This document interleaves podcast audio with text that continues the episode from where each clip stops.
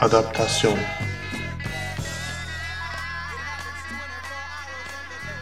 Mahir selamlar. Merhaba Onur, selamlar. Bir, bir pazar gününden Bostan'dan seni selamlıyorum.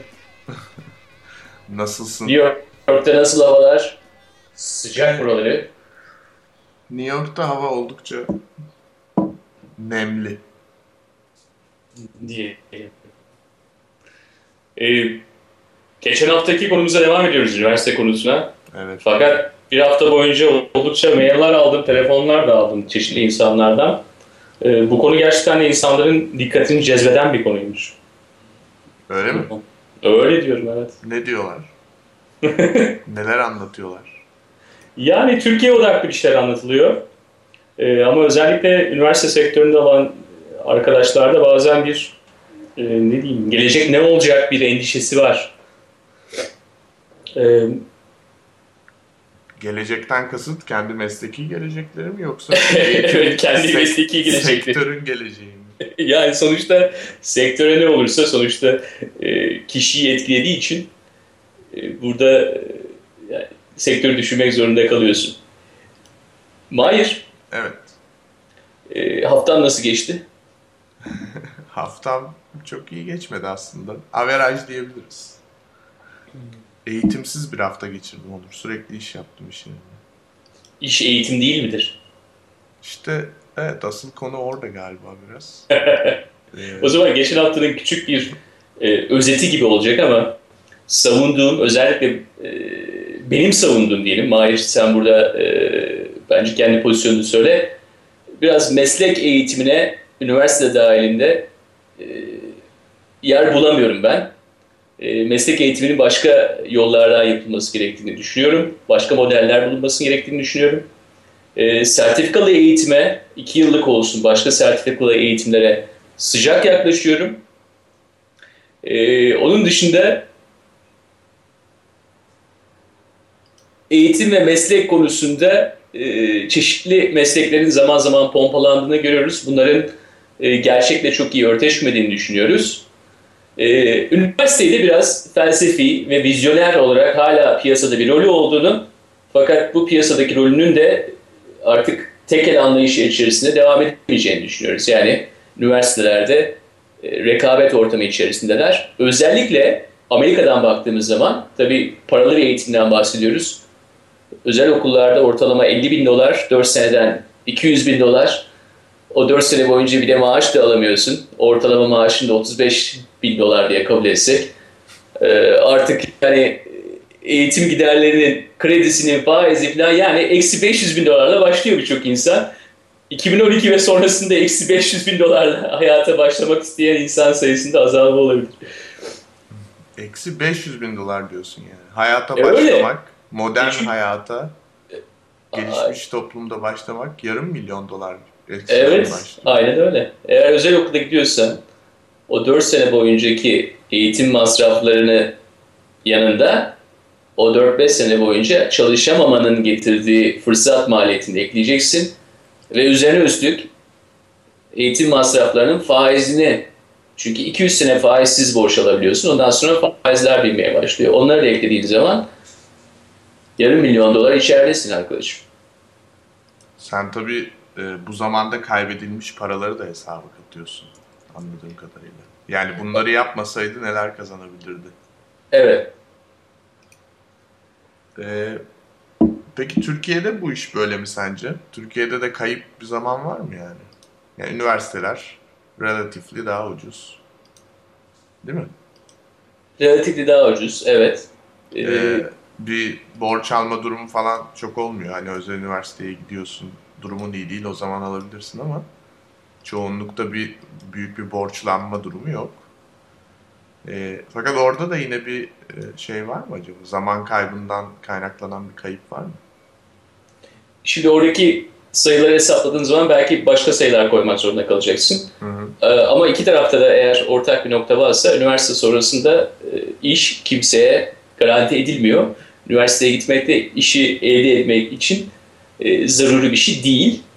E, ben tekrar Amerika'ya dönmek istiyorum. Amerika'da gördüğümüz özellikle bizim doğu yakasında böyle bir mafya gibi bir şey oluşmuş.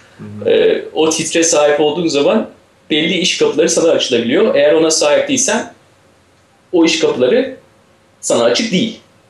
E, bu da illa yeterli kabiliyette, yetenekte elemana yetiştiği anlamına gelmiyor. Yani kapıları ancak biz bazı insanlara açıyoruz. O insanlar dışındakilere kapılar kapalı gibi bir böyle e, işte şu üniversitelerden eğitimin varsa o zaman geç işte e, kapıları sana açıyoruz, şifreyi biliyorsun gibi. Şimdi o zaman şuna yani çok radikal bir sonuçla şuna gelebilir miyiz? Ben yarım milyon dolar yatırıyorum. yani bütün her şeyi geç. Eğitimi de, üniversiteyi de, diplomayı da falan.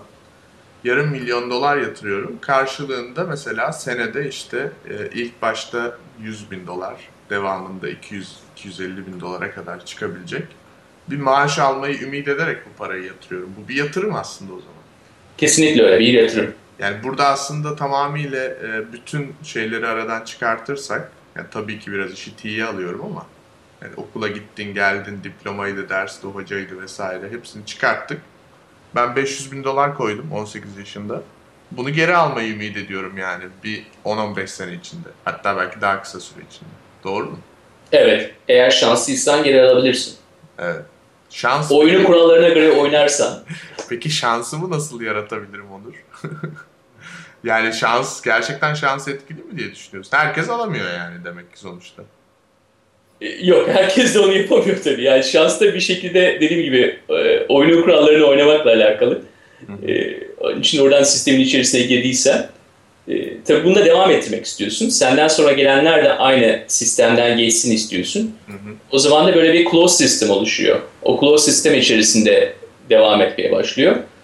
E, bunun ise uzun vadedeki anlamı şudur.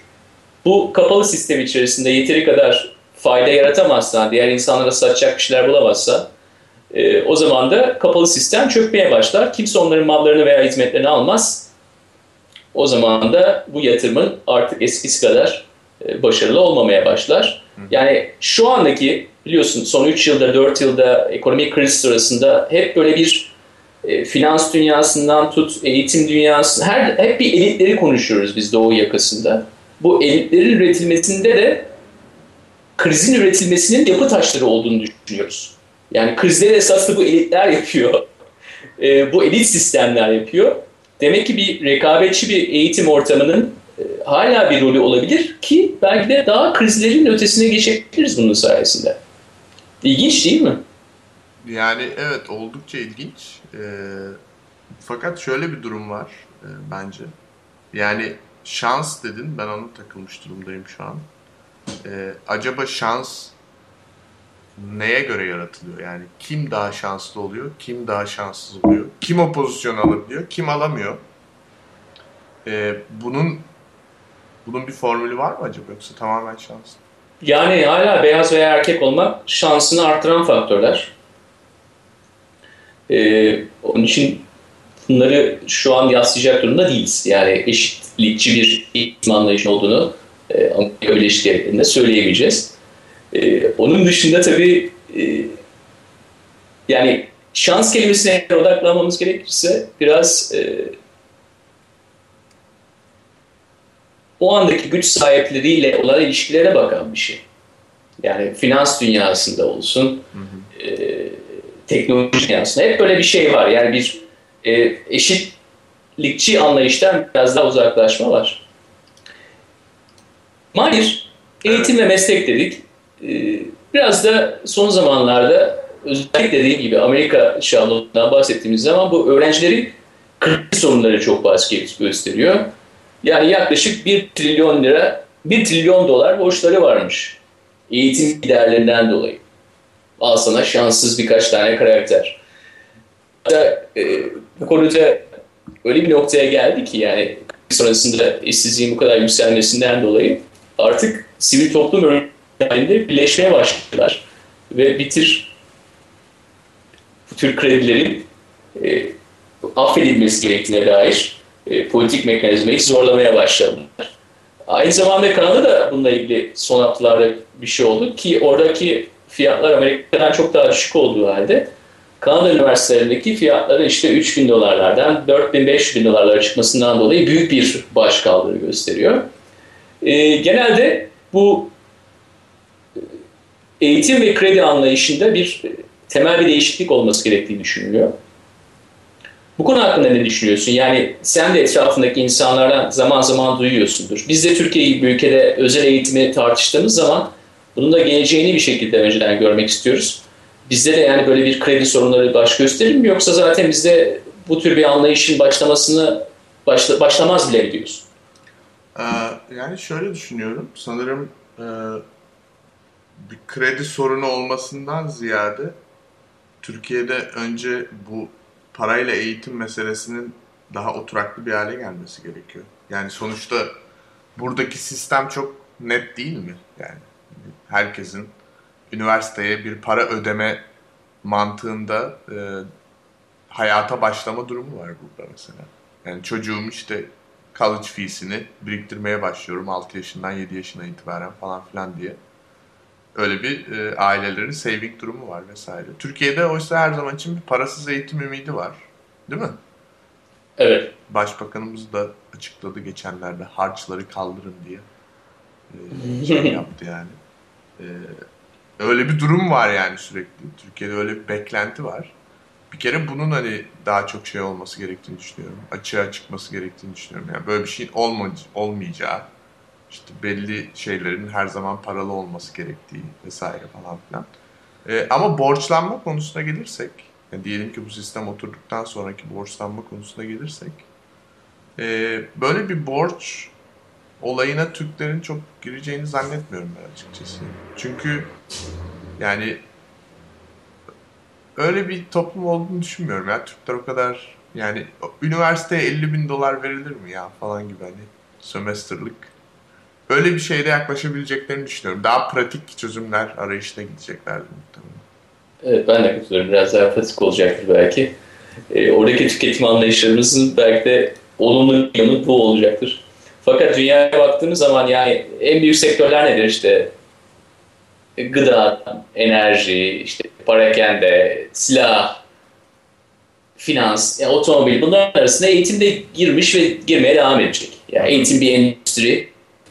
Ee, yoksa ideolojik anlamda eğitim bedava mı olmalı, paralı mı olmalı bence şu anda geçmişiz onu. Artık bir endüstri haline gelmiş ve böyle gidecek gibi görünüyor. Bu devletin hiçbir rolü olmadığı anlamına gelmez. Ama eğitimin bir endüstri olarak kabul edilmesi lazım. Ee, onun dışında e, buradaki tekrar Amerikan Üniversitesi'ne baktığımız zaman bu endüstri dahilinde bunların yurt dışına açıldıklarını görüyoruz. Yani yurt dışı kampüsleri ne oluşturuyorlar? Neredeyse franchise veriyorlar. Ee,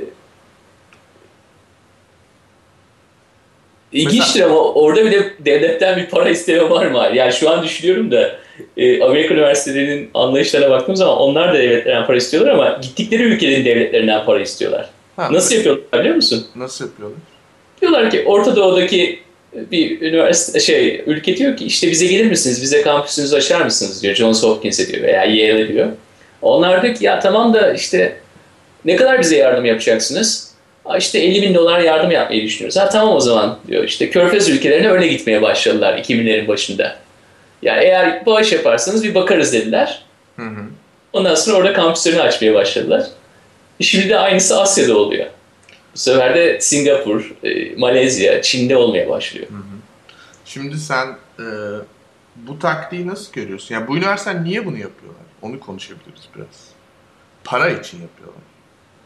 Yani hem para hem de bir prestij yani global üniversite lakabını tutturmak için başka yerlerde kampüsün olma belki bir jenerasyon önce böyle kabul edilir bir şey değildi insanın aklına gelmedi ama şu anda bu brand'e devam et için başka yerlerde belli bir standartta tutturdukça bu yapılabilir diye bakılıyor. Şimdi ben şöyle bir örnek vereceğim sana.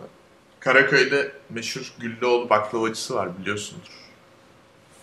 Her yerde var. Hayır. Dinle işte. Örneği bilmediğini anlıyorum şu anda ama çok güzel bir örnek bence. O Kimden dinlediğine bakar. Hangi Güllüoğlu'ndan dinledin hikayeyi bilmiyorum. Evet dinliyorum. Bizzat kendinden dinledim. Hangi Güllüoğlu? Yani nereden biliyorsun? Baktın işte soru o. İşte soru o. Evet. Yani bu hikayenin güzel tarafı. Karaköy'deki Güllüoğlu iddia ediyor ki tek Güllüoğlu orada varmış. Yani kendi branch'ı olan Güllüoğlu. Bir de Atina'da açmışlar sonra da onu kapamışlar galiba. Çünkü seviyeyi düşürdüğünü inanmışlar. Yani aynı kalitede baklava yapılmadığına inanmışlar. Diğer Güllüoğlu onun kardeşleri, kuzenleri, akrabaları vesaire. Ama demek istediğim şey şu. Niye açmıyorsunuz diyorlar. Yani niye başka yerde İstanbul içinde dahi niye açmıyorsunuz? Çünkü kalitenin düştüğüne inanıyorum diyor herif. Yani baklavada benim bir standardım var diyor. Başka yerde açarsam onu aynı şekilde denetleyemeyeceğim. Üretimini iyi yapamayacağım. Kalitenin düştüğüne inanıyorum diyor. Sence yani Harvard hakikaten ya da ne bileyim işte Yale, NYU vesaire. Bunlar zaten hani global olarak ismi bilinen üniversiteler. Bu adamın gidip Dubai'de, Şangay'da falan birer tane franchise açıp daha da ismini duyurmaya ihtiyacı var mı? Emin değilim. Kalitenin düşeceğini tahmin ediyorum ben. Yani bunu göze almalarının sebebi büyük ihtimalle paradır diye tahmin ediyorum. O da olabilir ve aynı zamanda ama olduğun yerde kalırsan gelişen eğitim piyasasında rolünün bir anda kaybolduğunu da görebilirsin. Hiç kampüs açmazsan belki hı hı. paranın yanında belki prestijin de bundan dolayı sarsılabilir. Yani prestijini, brandini dünyanın her yerinde Don Quixote gibi savunman lazım. Bir şekilde kendini orada prezansını yaratarak da o savunmayı gerçekleştirebiliyorsun. Belki Körfez'deki bir üniversitede, Amerikan Üniversitesi'nde köpük partisi yapılmıyor geceleri. Ee, çocuklar böyle gidip böyle köpekler içerisinde dans etmiyorlar buradaki kampüslerde olduğu gibi. Kesin hani brand biraz e, orada farklılaştırıyor kendini. Özellikle kampüs hayatı anlamında. E, ama kendi savunmak zorundasın yani. Prestij de var bunun içerisinde. Peki sence köpük banyosunu da ihraç etme emelleri içinde olabilirler mi? Sosyal ya, hayatı da yani. İnan bana, inan bana burada bile onu zaman zaman kısıtlamaya çalışıyorlar. Yani ıı, her türlü e, kısıtlamanın ben 20 yıl içerisinde Amerika Üniversitesi'ni gördüğüm kadarıyla kısıtlamaların gittikçe arttığını görüyorum o konularda. Özel güvenlik olsun, alkol, alkol kısıtlamaları olsun. Özellikle galiba sigortaya para kaptırmamak için veya bu tür e, mahkemelere yol açmamak için olabildiğince sosyal hayatı undergroundlaştırıyorlar okullarda. Onun için o tür bir empozisyon körfeze köpük partileri getirelim nasıl olur bilmiyorum. Peki o zaman şimdi başından beri söylediğimiz galiba iki temel şey var. Birincisi meslek dediğimiz şeyi elde edebilmek için artık üniversiteyi bir araç olarak kullanıyoruz.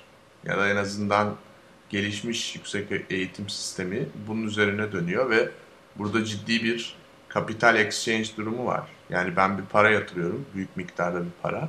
Bunu buluyorum, sağdan soldan borç alıyorum falan.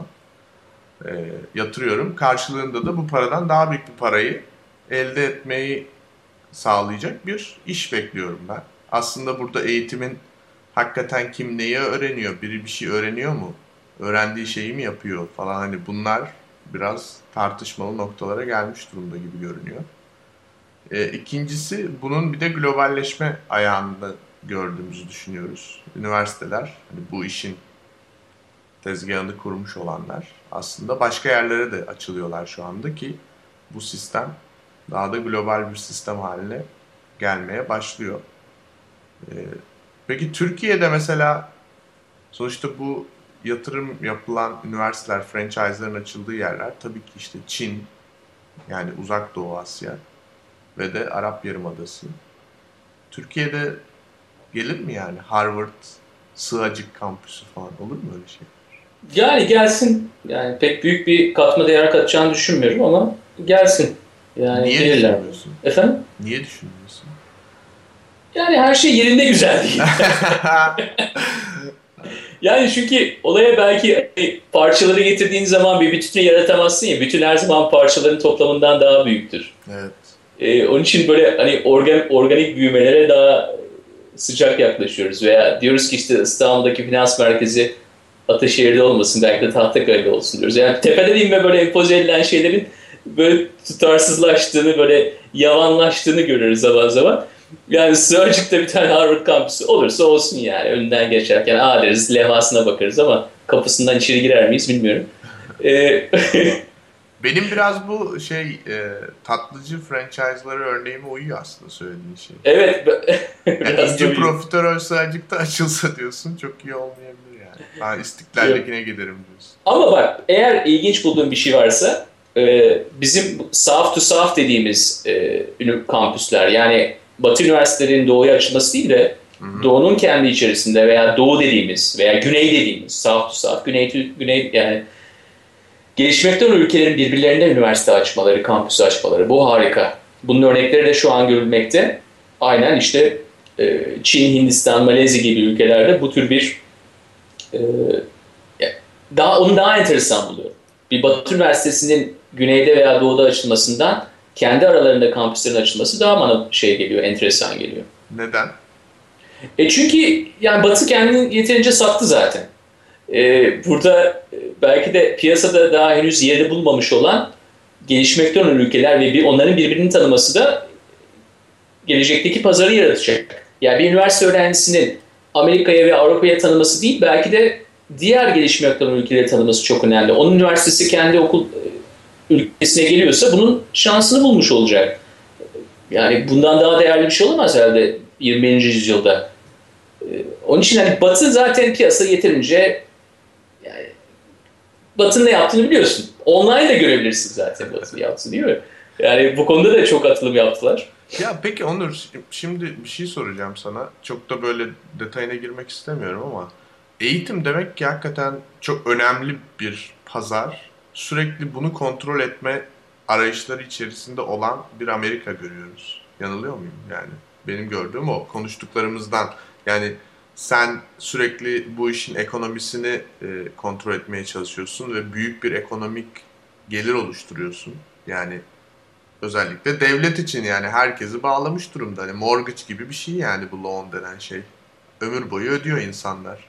Bir bu var. İkincisi sistemi kontrol ediyorsun. İşte Ivy League'de oydu buydu hepsini yaratıyorsun. Üçüncüsü üniversitelerini yurt dışına gönderiyorsun. Global olarak e, bir nevi misyon diyelim yani. Misyonlarını yerine getirmelerini sağlamaya çalışıyorsun. Bir de bunlar da yetmiyor. Bütün bu yani şey. Bir de online education meselesi var. Ki bunda da yani direkt bütün aşağı yukarı gördüğümüz şeylerin hepsi Amerikan e, label'lı, etiketli ürünler. Yani demek ki bu eğitim meselesi e, önümüzdeki 100 yılın falan meselesi yani ekonomik açıdan baktığında. Yani herkes eğitilecek gibi bir mantığa girmiş yani insanlar. Öyle değil mi? Ya büyük bir endüstri. Ee, burada tabii kar amacı güden işletmeler çok önemli. Burada Amerika'daki haberleri, en yeni haberleri söyleyeyim. Kar amacı güden eğitim kurumlarına karşı e, biraz kuşkuyla yaklaşılıyor. Nedenlerinden bir tanesi de devletten çok para alıyorlar. Ee, mesela gidip evsizlerin olduğu yerlere gidip evsizleri öğrenci yapıyorlarmış. İşte e, diyorlar ki biz size şunu öğreteceğiz işte 6 ayda bunu öğreteceğiz, bir yılda bunu öğreteceğiz diyorlar. Hı. Onları kendilerine borçlandırıyorlar biraz. Aynı zamanda devletten de bunun sayesinde para alabiliyorlar. Böyle bir e, neredeyse avlanma gibi öğrenci avına çıkıyorlar. Nereden bulurlarsa. E, tabii evsizler de eğitime talep gösterebilir değil mi? Burada herhangi bir yanlışlık yok ama gidip böyle bir şey gibi avlanır gibi belli yerlere gidip insanların niyetlerini alıp ondan sonra bunu kar amacı bir eğitim kurumuna alma ve devleti orada kullanma e burada kuşkuyla yaklaşılan taraf o. Onun için endüstri olacak. Ama bu demektir ki aman efendim işte eğitim kar amacı güden şeylerle olmasın. Enstitülerle, üniversitelerle olmasın. Kar, her eğitim illa karsız olur. Bu da yani artık bu da uymuyor günümüze. Ya şimdi burada e, eğitim karsız olur meselesi parasız eğitime bağlanan bir mesele tabii ki. İşte ben vergimi veriyorum. Neden bir de üstüne e, para vermeliyim? Galiba bizim seninle ayırmaya çalıştığımız şeyler birazcık şu şekilde. Şimdi bir eğitim var. Ortaokul, lise vesaire gibi bir eğitim. Fundamental bir eğitim yani. Aslında toplumun hani kötü zamanlarda birbirinden ayrışmaması, iyi zamanlarda daha da iyi olmaya çalışması için hani komşumuzu sevelim, iyi şeyler yapalım vesaire gibi. Fundamental bir eğitim herkeste ihtiyaç var yani bunda toplumda. ben buna inanıyorum. Ee, iyi, güzel, harika. Çok barışçıl yaklaştın. Evet. barışçıl yaklaşıyorum. Bir de ama e, yüksek öğretim var. Yani bu yüksek öğretim denen şey aslında herkes için aynı şekilde cereyan etmek zorunda değil. Yani biz kafamızdaki o e, setup'ı birazcık daha değiştirmek zorundayız artık aslında. Çünkü Türkiye'de özellikle yüksek öğretim genelde bir statü meselesi. Yani sen ODTÜ'den mezun oldun, ben Boğaziçi'nden. Aa sen sütçü imam mı falan. Hani e, belli yerlerden gelenler için her zaman için şans çok az. Belli yerlerden gelenler için birçok konuda şans çok daha fazla. Biraz kulüp meselesi gibi. E burada da öyle. Burada da öyle. E, ama hani burada e, birazcık daha bireysel sınavlar üzerinden gidiyor. Türkiye'de bir de iğrenç bir sınav var. Onun üzerinden yani insanları da 17 yaşında gruplara ayırıyorsun. Yani sen bu kulübe ait olabilirsin, sen olamazsın falan filan diye. E, neyse demek istediğim şey şu aslında bunun bu yüksek öğretim denen kavramın o kadar da e, yani parasız bir beklenti içerisinde yapılıyor olmasını çok anlamak mümkün değil. Çünkü herkesin buradan karşılığında para beklentisi var aslında. E, o yüzden mesela bunu belki de mesleğin eğitimi ve de akademik eğitim olarak ikiye ayırabiliriz diye düşünüyorum. Bilmiyorum sen ne dersin? Ya ben mesleğe inanmıyorum. Meslek olmadığını düşünüyorum. Üniversitede mesleğin e, yeri olmadığını düşünüyorum. İnsanın e, e, bazı kritik düşünceden tut da kendi kendi anlamak için üniversite eğitimi çok önemli ama meslek eğitimini üniversiteyle grid bir şekilde olmaması gerektiğini düşünüyorum. Akademik tarafa girmeyeceğim. Hı hı. Ama yani meslek eğitiminde de gördüğüm şey 6 aylık olsun, 2 yıllık olsun, işte ne bileyim hayatımızdaki şu an ne görüyoruz mesela fitness hocaları, havaalanı teknik elemanları olsun, işte helikopter pilotu, okul öncesi öğretmenler, sigortacınız, paramedik yani bunların hepsi üniversiteye gitmemiş insanlar ve sizin için çok önemli hizmetlerde bulunuyorlar yani senin hayatının devamını sağlayan insanlar. Ee, onların hizmetlerini satın alıyorsun. Ee, bunda illa üniversite mezunu olmaları gerekmiyor. Üniversite mezunu olanlara bakıyorum bazen. Hmm. Özellikle işte finans dünyasında olsun. Ee, ne yapıyorlar işte aman şu derivatifleri yapalım, şunu şey yapalım, şöyle bir paketleyelim.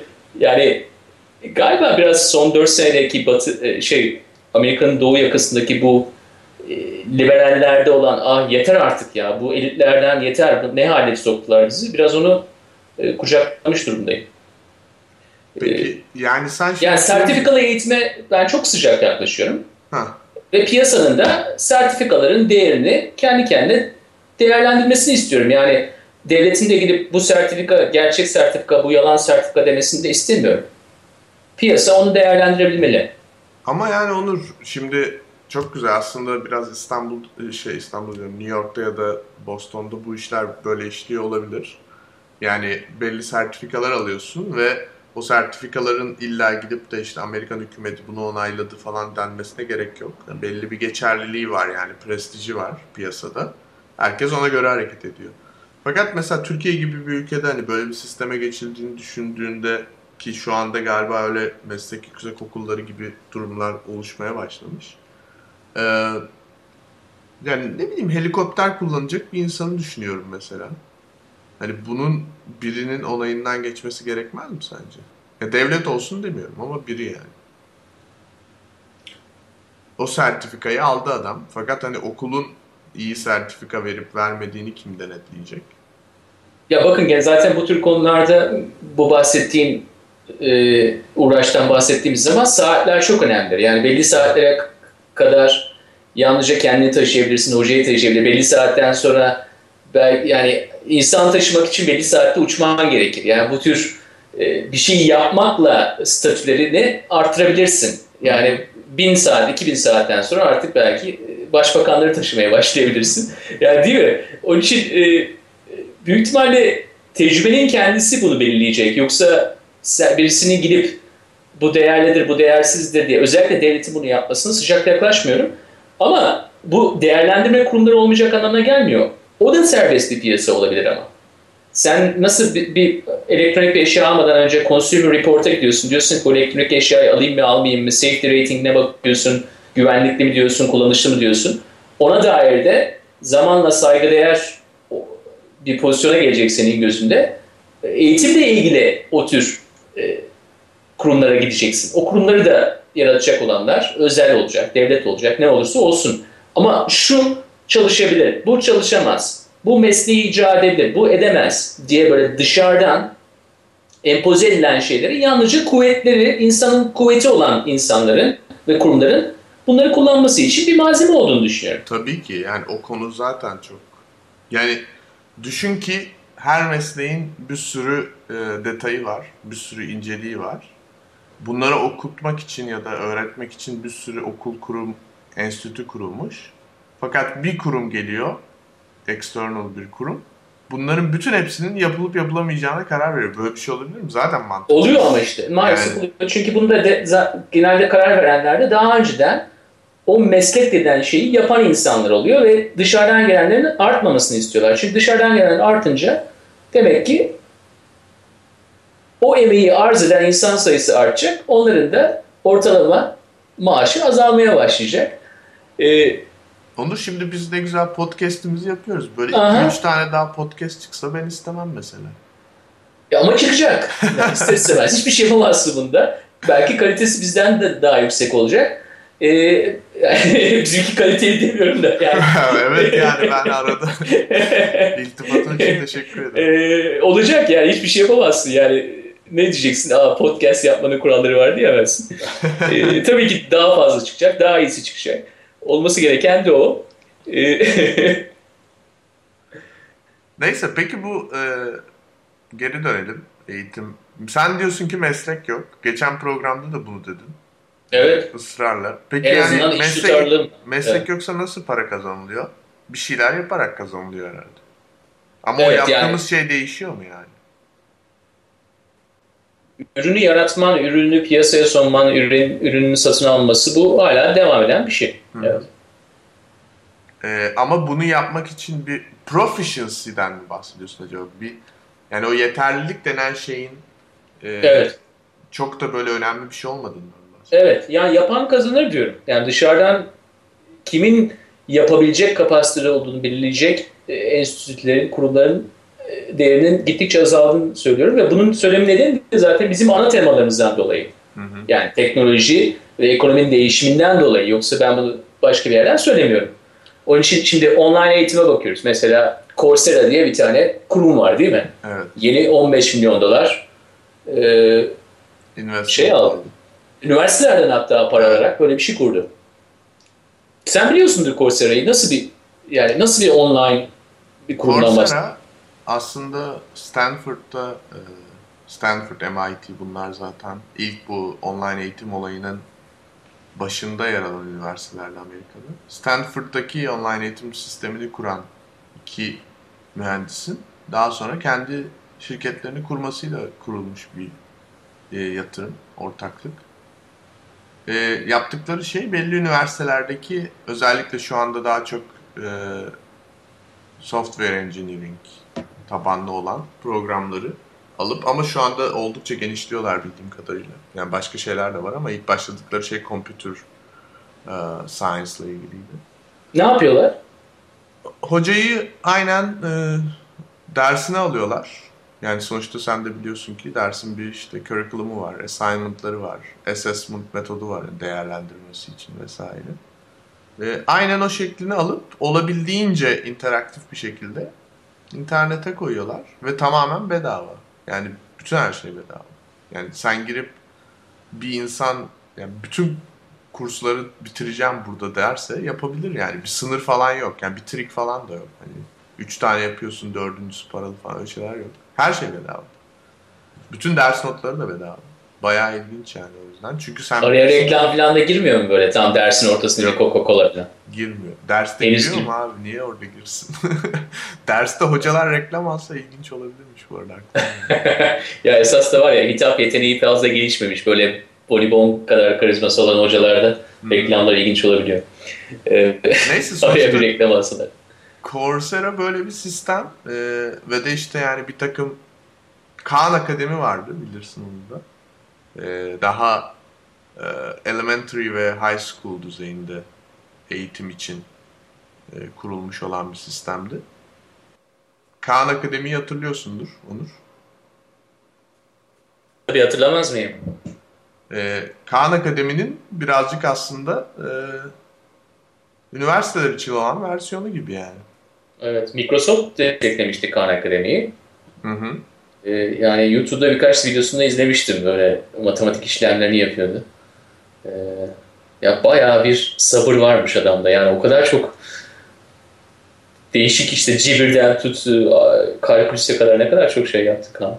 Şimdi bir endüstri haline geldi. Evet. Khan Akademi'nin aslında Coursera e, büyük bir ihtimalle üniversiteler için olan versiyonu. Tabii Khan Akademi'nin işi bence biraz daha kolay. Çünkü hani konular daha belirli ve herkes için işte e, detaya girmeden anlatılacak konular. işte yani cebir nedir, biyoloji nedir falan, etrafımızda gördüğümüz memeliler nedir falan gibi yani çok fix konular. Ama yani e, Coursera'da ne bileyim machine learning falan dersleri var. Yani nasıl işte datasetler üzerinden bilgisayara bir şeyleri öğretebilirsin vesaire gibi. Çok detaylı konular var. O yüzden e, Coursera'nın hem işi daha zor ama hem de potansiyeli çok daha yüksek tabii ki. Evet ama anladığım kadarıyla henüz hani business modeli belli değil. Yani bunu apaçık bir şekilde business modelimiz bu diye söylemiyorlar. Yani, Üniversiteler tarafından destekleniyor. Belki özel sektöründe bir desteği olacak buraya. Ama bunu kar amacı güden bir işletme haline sokmak o kadar da kolay değil. Bence Ve amaç belki de o ileride. Bence parasız eğitimi hedefliyor olabilirler mi acaba Onur? Aslında şey parasız eğitim idealleri olan iki genç arkadaşmış mesela bunlar. o yüzden yapıyorlarmış.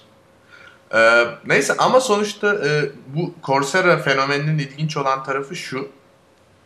Burada dünyanın her yerinden öğrenciler var.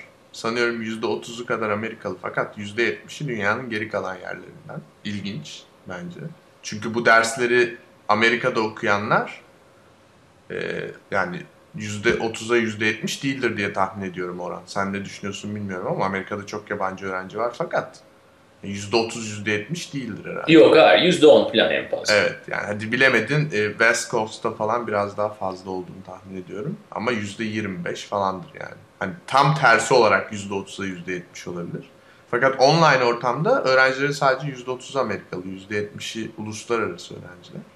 Tabii. Ve e, bu öğrencilerle konuşulduğunda yani neden hani normal bir okula gidip yani çok bir kere çok herkes çok büyük fanı yani e, bu sistemin. Çünkü çok iyi olduğuna inanıyor, iyi öğrendiğine inanıyor. Dersin içeriğinin çok nitelikli olduğuna inanıyor falan. E, ve işte yani neden hani e, bunu bu kadar önemsiyorsun falan dendiğinde çünkü ben önemli olanın o konuya hakim olmak olduğunu düşünüyorum. O dersi almış olmak ya da X bir üniversiteden diploma almış olmak olduğunu düşünmüyorum diyor bir sürü genç. Evet. 17, 18, 15 hatta yaşında evet. olan gençler. Yani bu senin işte söylediğinle örtüşüyor evet. galiba. Bunlar istisna değil mi? Hayır. Yani bu ileride norm olacak bir şey. Ee, sonuçta biraz başında bahsettiğimiz gibi bu üniversitenin fiyatı o kadar yükseliyor. Hı hı. Tamam bir marka satın alıyorsun ama sana esas da verdiği şey zamanla azalıyor. Yani iş yapma kabiliyeti, iş yapma yetisi olarak azalıyor. E bir şeyin parası artıyorsa, sana verdiği e, şeyde fayda da azalıyorsa ne olur? Yani bir şekilde başka araçlara doğru kayma olur. Hı hı. İşte teknoloji de biraz onu sağlıyor bize. Bir de üzerine üstlük brandin hala devam eden o albenisi de devam ediyor işte MIT'den profesör, Stanford'dan profesör diye veya Körfez Üniversitesi'nden üniversite, Körfez üniversite, e, ülkelerindeki Amerikan üniversiteleri böyle bir kayma gerçekleşiyor. E, bunun devamı nedir? Ya bunun devamı bizim bu elit dediğimiz işte bu e, aman bu kapıdan girecek misin, girmeyecek misin, şuna sahip misin, değil misin diye böyle bir oradan çıkabilmemiz biraz daha insanların kendini geliştirmesinin ve piyasada bunun değer bulmasının sağlanması. E, çok ince bir konu olduğu için belki bir parantez antiparantez daha yapmak istiyorum. Ve alakasız bir konudan örnek vereceğim. Spor dünyasında mesela ilk bu e, e, ülkeler arası işte futbol müsabakalarını izlemeye başladığımız zaman bundan en çok artı sağlayan kulüpler Manchester United, Milan, Liverpool gibi yani çok büyük kulüpler oldu. Kimse gidip küçük kulüplerin maçlarını Çin'de, Brezilya'da, Afrika'da televizyonlarda izlemiyor o uydularla veya internetten. Onun için büyük kulüpler bundan çok avantaj sağladı. Şimdi de biraz onu görüyoruz yani büyük üniversiteler bundan avantaj sağlıyorlar. Ama bir sonraki faza baktığımız zaman da esas da bunu avantaj sağlıyorlar ama kendi değerlerini dediğim gibi uluslararası alanda prestijlerini savunmak için bunu yapıyorlar. Ama ileride bu markanın da belki e, insanlar tarafından algılanması anlamında markanın değeri azalacaktır. Çünkü insanlar daha yetiye önem vereceklerdir. E, ikinci bir alakasız örnek vereyim şu an aklıma geldi. E, üniversiteler ve hani yalnızca meslek eğitimi yapan kurslar veya meslek yüksek okullarına baktığım zaman yani mesela şöyle düşün. E, pornografik bir kitap yazmak için hangi yetiye sahip olman gerekir? Erotik bir kitap yazmak için hangi yetiye sahip olman gerekir? Ya belki pornografik kitap yazmak için mesleki eğitim yetecektir sana. İşte şunu şey yaptı, şöyle yaptı, şunu şuradan aldı. Bu arada Türkiye'de bir maç anlatır gibi anlatıyorum. Gördüğünüz gibi ne kadar hastalık bir anlayışım var yani konuda. Kendi ee, ekseni etrafında döndü. evet, kendi etrafında çeşitli böyle yalnızca e, zevk üzerine kurulmuş bir şey. E, kim alıyorsa zevki. E, ikincisinde erotik bir kitap yazmak için de işte ne bileyim olayın duygusal tarafı, patolojik tarafını alacaksın. işte sanatsal tarafını alacaksın. Böyle bir birçok şeyi böyle bir araya getirmen lazım. E belki de üniversite mezunlarına baktığımız zaman onlar için hala bir alan var. Yani erotik kitap yazabilirler. Birçok alanda bir, birleştirip ama pornografi kitap yazamazlar. Ya diyeceksin ki ya bilmiyorum şu an aklıma geldiği için e, bu örneği devam ettiremeyeceğim. evet çok çok vallahi bilmiyorum bataklık gibi bir konuya girdin olur özellikle. Yani bir makine de yazabilir yani sonuçta pornografik kitap ama erotik kitap yazamaz. Evet zaten bence senin e, yani düşünüyorum söylediklerini geçen haftadan beri. Biraz önce kendin aslında ipuçlarını vererek söylüyorsun. Bir makinede yazabilir pornografik kitap diye. Senin söylediğin e, meslek kavramı, yani üniversitenin dışına çıkaralım, sertifikaya bağlayalım ya da meslek yüksek okullarına geçirelim dediğin şeylerin hepsini biz zaten insanlık olarak makinalara yaptırmayı hedefliyoruz. Yani o amacımız hep o yönde. Onlardan bahsediyorsun sen. Hemşirelik, helikopterin kendi kendini kullanması, efendime söyleyeyim çöplerin toplanması. Bunların hepsi zaten biz yani robotlar çıksa da onları yapsa falan dediğimiz şeyler aslında. O yüzden yani, evet evet buyurun. Bana biraz öyle bir ayrım da var gibi geliyor ama yani robottan şeyi beklemiyoruz. Yani oturup bize felsefe kitabı yazmasını çok beklemiyoruz şu anda yani. Daha onun onun için bayağı uzun bir zaman olduğuna inanıyoruz en azından çoğumuz. Tamam. Bir, e, bir açıklayıcı taraf yapayım. E, yani evet amacım meslekleri lütfen bir hiyerarşiye sokmak değil. Evet tabii ki. Ama ikincisi de şu. Yani üniversite eğitiminde hala üniversite devam edecekse tamam, hala var olmaya devam edecekse bir insan tipi yaratıyor. Bu kritik düşünce olsun, eleştiriye karşı e, cevap verebilme olsun, eleştiriye karşı kabullenebilme olsun, yaratıcılık olsun. Yani formülü tam daha tanımlanmamış bir insan yaratabiliyorsun üniversitede. Onun için satın aldığın şey üniversite sonrasında böyle belli tek bir ürün olamıyor. Bir şey yapmak için bir ürün olamıyor. Bir potansiyel satın alıyorsun üniversite mezunundan. Anlatabiliyor muyum? Üniversiteye gittiğin zaman sen bir potansiyel yaratıyorsun. O insan her şeyi yapabilir gibi geliyor. Ama belli 6 ay için, 2 yıl için bir şeye gittiğin zaman o kadar da bir potansiyel değil. Yani belli bir görevi gerçekleştirmek için bu işleve giriyorsun. Yani üniversiteden bence çıkışta şunu yapacaksın, şunu becerebileceksin. Sanki statik bir şey gibi öyle bir şey yüklemek, üniversite öyle bir misyon yüklemek bana şu anda gerçekçi gelmiyor. Ama makine insan tarafından şunu söyleyeceğim. Ne yaparsan yap. Hangi meslek olursa olsun. Her bir tarafımız yani her meslekte makine tarafımız var. Ee, işte tırnak içerisinde insani tarafımız var. Yani hemşirelik de tabii ki özellikle hani örnek verdim. Yani insan tarafı çok önemli olan meslek. Onun için meslekleri ayırmak amacım değil. Yani bence iğneleri direkt bir makine vurabilir. Bir sorunum yok benim onunla. Ya tamam da. Daha yani da iyi vurur. Hemşirelerden doktorlar alamadığın o kadar çok bilgi alıyorsun ki o kadar doktorlardan senin için çok daha senin için yararlı olabiliyorlar. Yani oradaki onun da yatsınacak bir şey olduğunu düşünmüyorum ben. ben hemşireye doktordan daha çok güvenirim yani. Öyle mi? Evet tabii.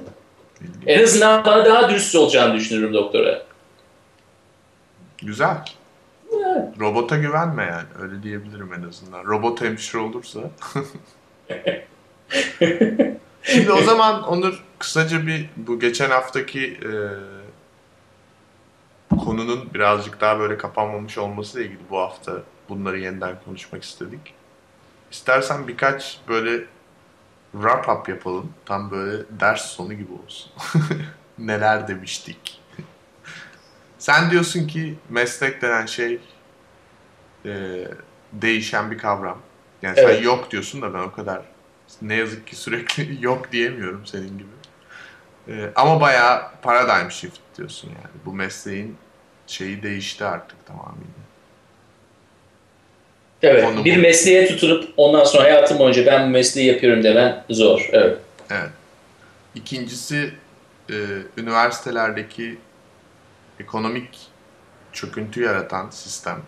Yani işte özellikle Amerika'da gördüğümüz öğrencilerin borç alması, bu borcu ödemeye çalışıyor olması sürekli olarak, e, zamanını kaybediyor olması eğer ki sadece bir meslek hedefliyorsa, hatta senin dediğin gibi yarım milyon dolar eksiyle başlıyor olması hayata, bu üniversite sisteminin er ya da geç bir noktada değişmek zorunda kalacağının bir kanıtı. Bunu da söyledik zannediyorum. Ee, üçüncüsü bu yine Amerika'da olan üniversitelerin sürekli dünyada bir franchise açma e, durumlarının bana göre mesela kalitelerini düşürmeye götüreceği onları. Ee, sana göre ise işte birazcık daha böyle globalleşme, global piyasada e, daha fazla yer kapma e, hedefleriyle doğru orantılı olduğu. Bunları söyledik diye düşünüyorum.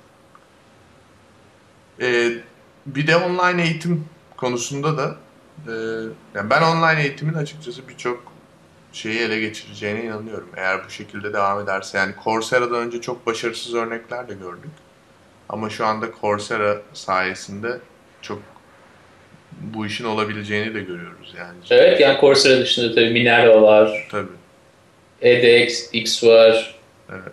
Yani lore, lore falan gibi sistemler de var. Hani direkt e, şey gibi e, işte bütün dersi taşımak yerine public olarak taşımak yerine hocalara private ders açma imkanı da sağlayan. Yani en azından hani bütün bu derslerin, bütün bu akademideki lecture'ların, lecture notların depolanacağı bir mesele var artık yani. internette bunlar var olmak zorundalar yani. Evet. Ee, o yüzden e, online meselenin de ileride büyük bir yer kapacağına inanıyoruz diye düşünüyorum. Evet tabii yani burada e, ilerideki işverenlere baktığımız zaman yani işe alan insanlara baktığımız zaman belki de bazı brandlere kolay kapılıp karar veremeyecekler yani. Hmm. Birisine alıyorsun, rezümesine, CV'sine bakıyorsun işte şu üniversiteye gitmiş ya tamam bunu alalım diyorsun mesela. İleride belki daha subjektif bir değerlendirme daha önemli olacak. Belki Yani Coursera'ya mülakatlar, belki, belki de oradaki brandler önemli olacak. Yani evet onu düşünüyorum. Tabii ki. okudum dersin belki. Neden olmaz? yani Öyle bir business model olabilir mi dersin Onur? Gibi? business model'ı. Diplomaları ele geçirmek olabilir mi? Prestiji ele geçirmek. Ivy League'den bile daha iyi falan. business model değil ama pazarlama stratejisi olabilir. evet. Evet. evet. Ama köpük partilerini yapamadıktan sonra ne önemi var? Yani sen şimdi online köpük partisini Ya, evet yaptın ya. yapmadın ne olacak? Anladın mı? Onurcuğum işte bak köpük partisi yüzünden ne Dubai'deki Harvard'a giderim ne Coursera'dan ders alırım. Öyle diyeyim. Giderim yerinde efendi gibi Cambridge'de köpük partimi yaparım hocam. Yani Haklısın. bu Ivy League'in bir gereği yani. Ya Cambridge'de yapmadın diyelim. Antalya'da tatil köyünde de yaparsın desem ben sana. Antalya'da Kemer'e giderim. O işin Ha. merkezi Kemer'dir biliyorsun. Evet. Köpük partisi. Dünya biliyor, evet. Dünya merkezi. Dünya Köpük Partisi merkezi. Yani bence o yüzden buradan e, Harvard'lara da sesleneyim. Yani bir franchise açılacaksa Türkiye'de Kemer diye Kemer'de. düşünüyorum. Evet. Bravo. Evet. Bravo. Göz gözü görmüyor ama Ama mükemmel. kalp kalbi bulur diyorum. Kalp kalp. O zaman Onurcuğum teşekkür ediyorum. Önümüzdeki hafta İstanbul'dan bir konuğumuz olacak. Umuyoruz. E, önümüzdeki hafta görüşmek üzere diyorum. Görüşmek üzere üniversite. Ee, Hangi gün gidiyorsun Türkiye'ye? Çarşamba günü diyorum. Çarşamba. İyi yolculuklar diyorum. Gece pazar görüşmek üzere. Görüşmek üzere.